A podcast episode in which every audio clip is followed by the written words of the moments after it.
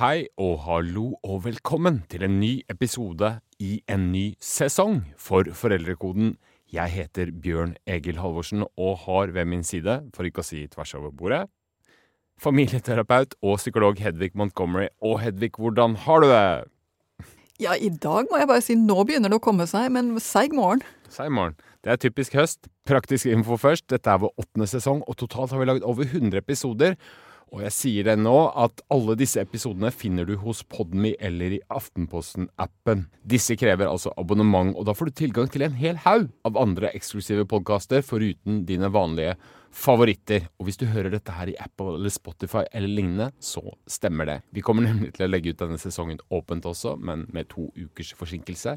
Det betyr at du hele tiden får flere rykende ferske episoder, altså i Podme eller via Aftenpostens app. Men Hedvig, vi skal snakke om noe i dag som rammer mange barn og unge. Og voksne. Etter å ha svevd på en litt sånn septembersky av deilig, krisp høstluft og nye, spennende ting som skjer på skolen, kanskje fritidsaktiviteter, så begynner det å dra seg til.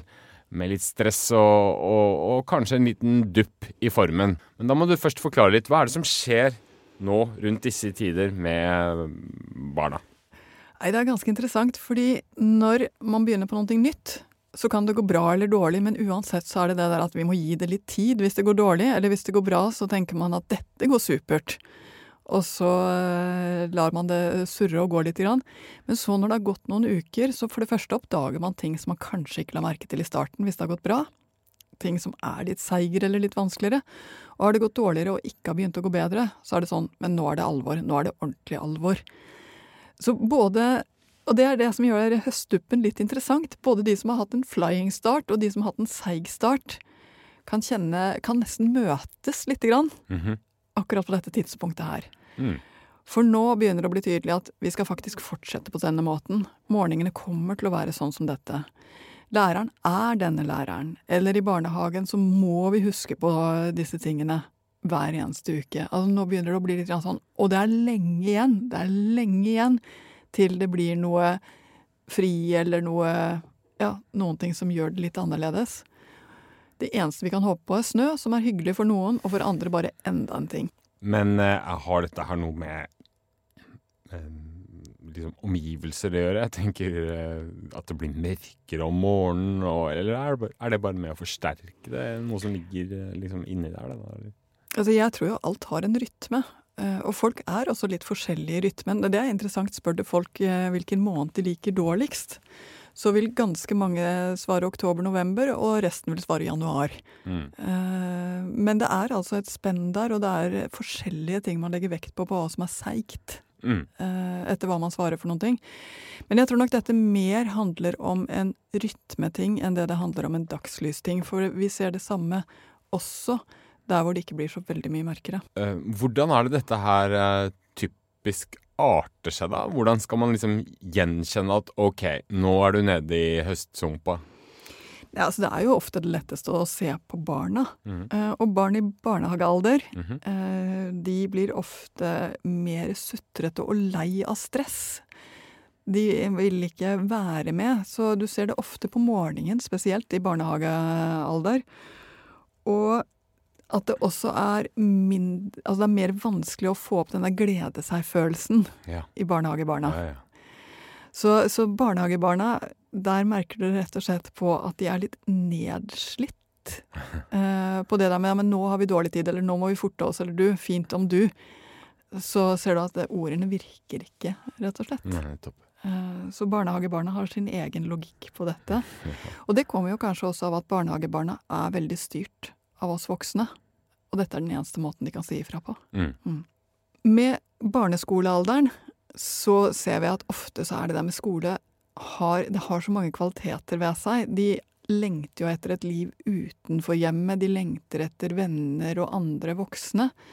Som de ofte surfer litt på i starten av skoleåret. Mm. Men nå begynner alt det der som er, hva skal jeg si, prakkete eller slitsomt med skolen, begynner å merkes. Ja.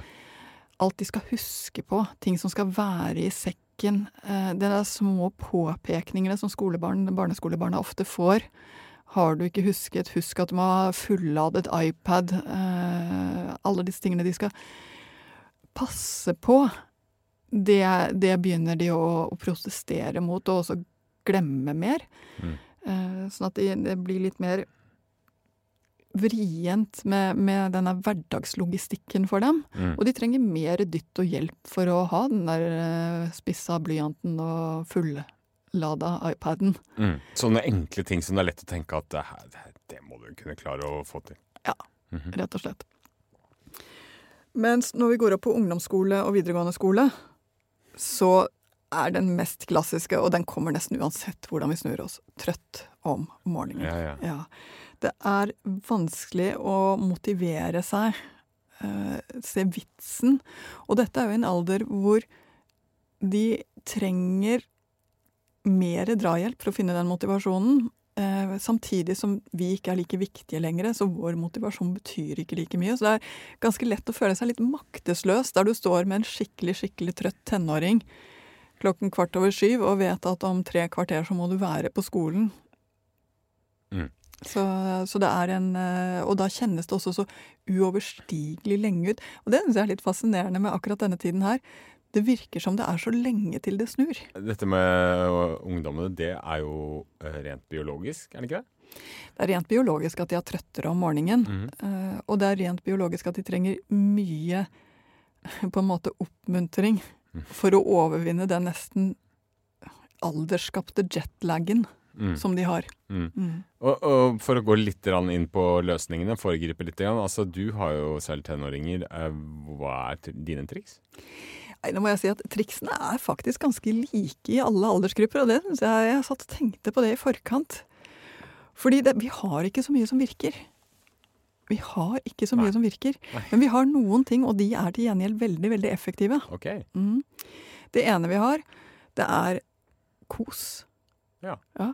Altså, kos er bare viktigere og viktigere jo mørkere det er der ute. Mm, mm. Eh, sånn at det å ikke glemme at selv om morgenen var sånn, så trenger vi å lage det veldig, veldig hyggelig i kveld. Vi trenger å tenne de lysene, vi trenger å lage den kakaoen, vi trenger å, å lage den ekstra gode brødskiven. Det å legge til rette for kos blir bare viktigere og viktigere mm. i alle aldersgrupper. Mm. Og så er det en annen ting, og det er jo det å tenke gjennom de praktiske løsningene. Fordi barn har ikke den der evnen til at de kan stoppe opp og tenke ok, men hva er det som ikke funker nå, hvordan kan vi gjøre dette bedre? Det er de helt avhengig av en voksenhjerne som gjør. Hvordan kan vi sørge for at det faktisk kommer med dette gymtøyet på torsdager, eller at uh, den iPaden får en måte å bli ladet på helt magisk, sånn at den er det om morgenen? Eh, hvordan kan vi finne en måte å huske på at det skal være med bleier på barnehagen når vi har fått den lappen, sånn at ikke det frustrerer oss voksne? For barnehagebarna tåler dårlig voksnes frustrasjon. Mm. Så her er det rett og slett en litt sånn voksenoppgave, helt uavhengig av alder. Hva kan vi gjøre for å senke hverdagsfrustrasjonene? Og det er å gjøre det meste klart kvelden før? Er det så enkelt, liksom? Altså For ganske mange så er det jo det. Eh, jeg fungerer kjempedårlig kvelden før. Mm. Eh, så, så, noen individuelle forskjeller er det sikkert. For meg handler det dels mer om å prøve å få oversikten. Mm. Eh, bare skjønne hva det er for noe som, som skjer. Og da blir jeg ofte litt snillere med meg selv også, når jeg ser mengden av logistikk. Ja, ja. Ja, uh, og det hjelper litt at jeg blir litt snillere med meg selv, for da blir jeg også snillere med barnet. Det der er veldig, veldig rart. Og det andre det er å finne ut når det funker best for deg å gjøre dette litt bedre. Mm. Er det å stå opp tidligere for deg? Er det å gjøre det når barna har gått ut av huset og du kanskje har noen minutter? Altså, finn de stedene som passer inn i din egen døgnrytme og ditt eget liv. Likevel har jeg på følelsen, så samme hva man gjør egentlig, og hvordan man prepper, så kan ting bare altså bli helt sånn uh, klemt og mørkt og vanskelig uansett på morgenen. Hva er det med morgener? Nei, altså Det er jo mye som skjer på veldig kort tid. Mm. Uh, og jo flere barn du har i familien, jo mer er det som skal skje på kort tid. Men selv de med ett barn opplever dette som en stressende tid. Mm. Fordi det er mye å huske på, mye som skal skje, og det er en tidsfrist for de aller, aller fleste familier. Og kombinasjonen av det der, det er litt eksplosivt. Men jeg, jeg, tror nesten uansett hvordan vi snur det, at det som gjør det dårligere, er de voksnes selvhat. Ja. Ja. Det er at du blir så irritert på deg selv at du havnet i den fella igjen. Mm. Og noen mennesker har veldig hang til å bli sure på seg selv, mens andre børster det lettere av seg. Det er ingen fordel å dyrke sitt selvhat i disse situasjonene. Mm. Nå ble det sånn igjen, og det kan vi sikkert gjøre bedre en annen gang. Uh, er den eneste tingen du kan tenke. Ja, sånn at man bare unngår den derre For da blir det jo ordentlig mørkt på kino, hvis man skal gå rundt og selvhate seg selv når mørket faller på. Ja, og det er rart, for det er veldig, veldig fort gjort å skli inn i selvhatet. Fordi det i sum er så mange småsteder hvor du tenker 'hvordan kunne jeg', og 'hvorfor har jeg ikke', og alle andre klarer. Ja. Fylle inn hva som helst etterpå. Ja, men det er, Man føler seg fort litt mislykka da, når alt går på tverke og man liksom føler ikke man klarer de enkleste ting. Det er klart man føler seg mislykka, og hvis man da attpåtil kommer i barnehagen eller på skolen og møter eh, det foreldreparet som alltid ser ut som de har alt på stell, Mhm. så er det jo en mørk start på dagen. Det er bare det at de aller fleste har det sånn. Jeg tror du, Er det bare fasade, altså? Ja, jeg eh, må bare si at nå lever jeg heldigvis av å snakke med folk som uh, syns livet er bratt. Eh, så eh, kanskje har jeg fått et større innblikk. Men det er ingen familie hvor alt går bra hele tiden. Den familien finnes ikke. Skjønner, skjønner. Litt tilbake til det du sa med søvn, fordi der har jeg nemlig eh, eh, i min indre krets en eh, sånn dobbeltdupp eh, potensielt, fordi at jeg føler at jeg har en eh, fire år gammel tenåring. Fordi at hun sover som en tenåring. Hun våkner ikke om morgenen. Og i tillegg så skal man da få det derre Altså gummibuksesuttergreiene i, eh, i, i gangen. Altså, nå må jeg bare si, barn har jo også eh, sin egen døgnrytme, sånn at det finnes A-mennesker og B-mennesker også i barnegruppen. Og noen barn er født med en kosetrang til å ligge lenge i den varme sengen om morgenen, mens andre barn er født med en sånn iver etter å komme opp og se hva gøy som skjer. Så, så her får man jo litt grann det man får. Eh, og jeg syns det er viktig å huske på at det er ikke et moralsk spørsmål. De som er tidlig oppe, er ikke noe eh, bedre mennesker enn de som liker kosen. Det er liksom kvaliteter ved begge delene, og irritasjonsmoment ved begge delene. Spør de foreldrene som har de som spretter opp klokken kvart over fem uansett. Så vil du se at det, det lager jo også en frustrasjon. Um, så du har sannsynligvis fått et barn som koser seg med å sove litt lengre, og som da også er litt, eh, litt treigere med å sveive i gang. Mm. Eh, Du får ikke gjort mye med det i ettertid. Hun er allerede ferdig produsert, hvis du skjønner. Ja. Eh, Men jeg tror det er viktig å huske på at det, hennes indre klokke kan du ikke stille ved at du blir utålmodig. Vi har jo et begrep uh, som kalles høstdepresjoner. Og så har vi vinterdepresjoner. Og så har jeg hørt vi også har vårdepresjoner. Men for å holde oss til høsten, da. Finnes det egentlig høstdepresjon? Nja Rent klinisk, nei. Nei. Uh, Men at igjen, vi ser at den der rytmen i samfunnet og i barnas liv påvirker hvordan de har det. Det er klart, det. Og den der følelsen med at nå er det lenge, nå er det lenge vi skal holde på slik, og så gøy var det, det ser vi at det er ganske mange barn som går inn i på omtrent samme tid, i oktober. Mm. Så sånn sett så kan du si at rytmen påvirker både barn og familier. Kanskje mer enn det vi helt er klar over. Og så er det også slik, og det er veldig veldig rart når man har barn, men har et lite barn sovet godt én natt, så sier vi åh, nå sover hun godt. Mm. Uh, og har et lite barn uh, våknet fem ganger i løpet av natten, åh, hun kommer aldri til å sove. Altså vi har en sånn tendens til å gjøre de fastlåste øyeblikkene til noen ting at hun er sånn. Men sannheten er at det aller meste endrer seg ganske mye. Og skal du komme deg gjennom denne litt seige, regntunge oktobertiden, så tror jeg det å innse at det ikke er for alltid, er faktisk en av de tingene som gjør det lettere å eh, tenne lys og, smøre gode brødskiver til eh, kvelds. Men den alt blir bra igjen-aktige tankegangen, det er det, Ja. Når du står i det, så hjelper ikke det så mye, da. Og for det første, det gjør det faktisk. Og for barna hjelper det. Ja vel. Fordi de trenger at noen holder håpet når de ikke kan holde det selv. De tåler dårlig voksne som rakner. Så jo, det hjelper. Og så er det én ting til her. Og det er at i løpet av disse ukene, fra 1. august frem til nå, så har man rukket å legge seg til ganske mange vaner og rutiner uten at man helt er klar over det. Og noen av dem er gode, men ikke alle. Så det å ta et lite stoppunkt og tenke gjennom hva gjør vi egentlig? Hvordan er det det ser ut i løpet av dagen? Hvordan har vi planlagt livene våre uten at vi helt har tenkt på det? For i hvert fall, kanskje er andre flinkere enn meg, men jeg planlegger ganske lite, og så faller ting inn i hakk etter hvert og inn i et mønster etter hvert. Og det å da stoppe opp og se er det riktige hakk og mønstre, det er en voksenoppgave. Men hva er sånn klassisk sånn vanefelle, da? Eller hva er det som man, som man går i gang med, så er, er det noen sånne spesielle ting som er typisk? Absolutt. Massevis. Alt fra når klokken man står opp, Mm. eh, til hva man spiser, eller eh, når man ser hva som er oppi sekken, eller sjekker den planen hva som skulle ha vært i sekken. Alle disse tingene bare blir små ting du gjør.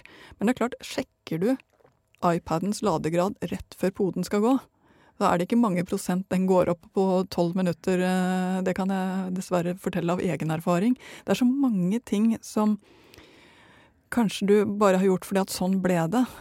Nå er eh, muligheten til å tenke det der der. Det ser jeg på når hun kommer hjem. Disse ungdommene som du snakka om i stad, som sliter med å komme seg opp om morgenen og, og, og, og sånn. For deres del, eller for manges del, så, så parer vel denne eh, duppen, som du kaller det, eh, på høsten seg ofte med en sånn generell, også biologisk blues, eller hva man skal si. da, En sånn generell frustrasjon og negative følelser som er typisk ungdomsk. Hva gjør vi med det? For det første så tror jeg vi må skjønne det. Det er søren ikke lett å være tenåring. Eh, Det er ikke lett å være så prisgitt voksne rundt seg og ha så behov for at ting skal være enda bedre og finere enn det man er. Og jeg må si at denne viktige tiden, for ungdomstiden er virkelig en viktig og en fin tid i å finne seg selv sånn som han eller hun er. De gjør det jo ikke Altså, de, de har denne tregheten i kroppen, og de har denne hangen etter å også bli misfornøyde fordi de ser etter noe finere. Det er noe fint i det nettopp fordi de ser etter noe bedre. Og så ser det ikke alltid bedre ut på dem klokken eh, kvart over syv om morgenen. Men det er noen ting som vokser inni dem, som, som vi av og til må lukke øynene og tenke oss frem til. Det skjer faktisk noe fint uten at vi helt skjønner det selv. Og denne døgnrytmeforskyvningen som de jo har, den handler sannsynligvis om to ting. Det ene er at de trenger å være mer med jevnaldrende. Og da er tiden når vi har gått og lagt oss rent biologisk en fin tid, selv om det ikke kjennes sånn ut for oss. Men det er fordi de har et behov for noe annet enn oss. Og det andre det er at når de sover så dypt som det de gjør, for det gjør de De sover mye dypere, mindre drømmesøvn som gjør dem enda vanskeligere å vekke. Men det er fordi akkurat nå utvikles hjernen så fort at de trenger mer av den dype søvnen. Så for min egen del tenker jeg i hvert fall, når jeg da går inn for fjerde gang og sier at men nå, nå er det virkelig, virkelig dårlig tid, så tenker jeg i hvert fall men det er for en god grunn.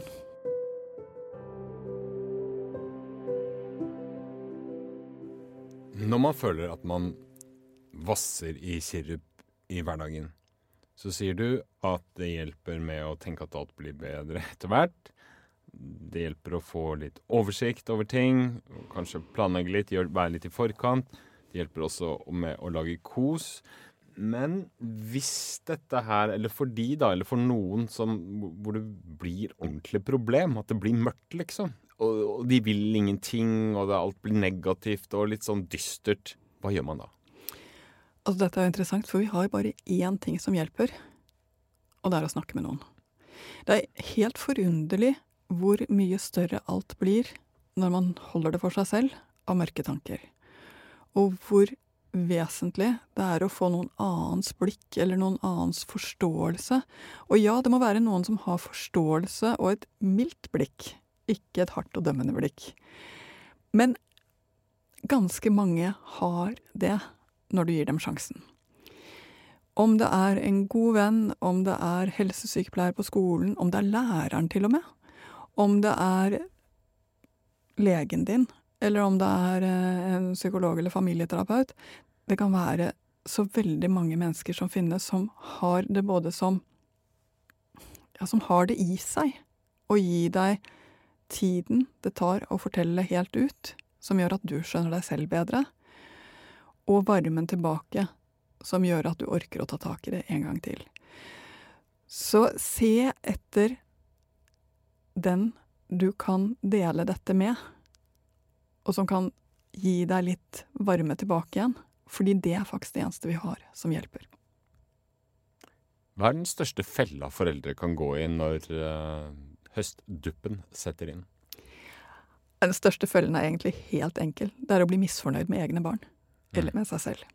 Og det interessante er at enten du blir misfornøyd med barna dine og tenker at han eller hun er helt håpløs med den morgentrøttheten eller med den rotetheten, ikke klarer å holde orden på noen ting. Andre barn klarer å holde orden på ting. Eller du blir misfornøyd med deg selv som eh, mamma eller pappa. Alle andre pappaer klarer jo å, å, å lage matpakkene kvelden før, og alle andre pappaer klarer jo å, å sjekke leksene på et annet tidspunkt. Misnøyen, enten det er med deg eller med barna, går utover barna og er ingenting de kan bruke til å bli bedre mennesker eller klare seg bedre. Så eh, jeg tror at vi foreldre skal hjelpe hverandre med å tøyle misnøyen vår, og se det vi faktisk får til, og som barna våre faktisk skinner med. Så kokt ned til essensen, hva er det beste man kan gjøre? Se etter det som skinner, både i barna og i deg, og varm deg på det. Det var en fin avrunding av ukas episode. Takk for at du hørte på. Dette var altså den første episoden i en ny sesong av Foreldrekoden. Du vil alltid finne tidligere episoder og sesonger i Podme eller via Aftenpostens app. Vi ønsker deg en superuke. Gjør vi ikke det, Hedvig? Ha en riktig fin høstuke. Vi er tilbake neste mandag med en ny episode.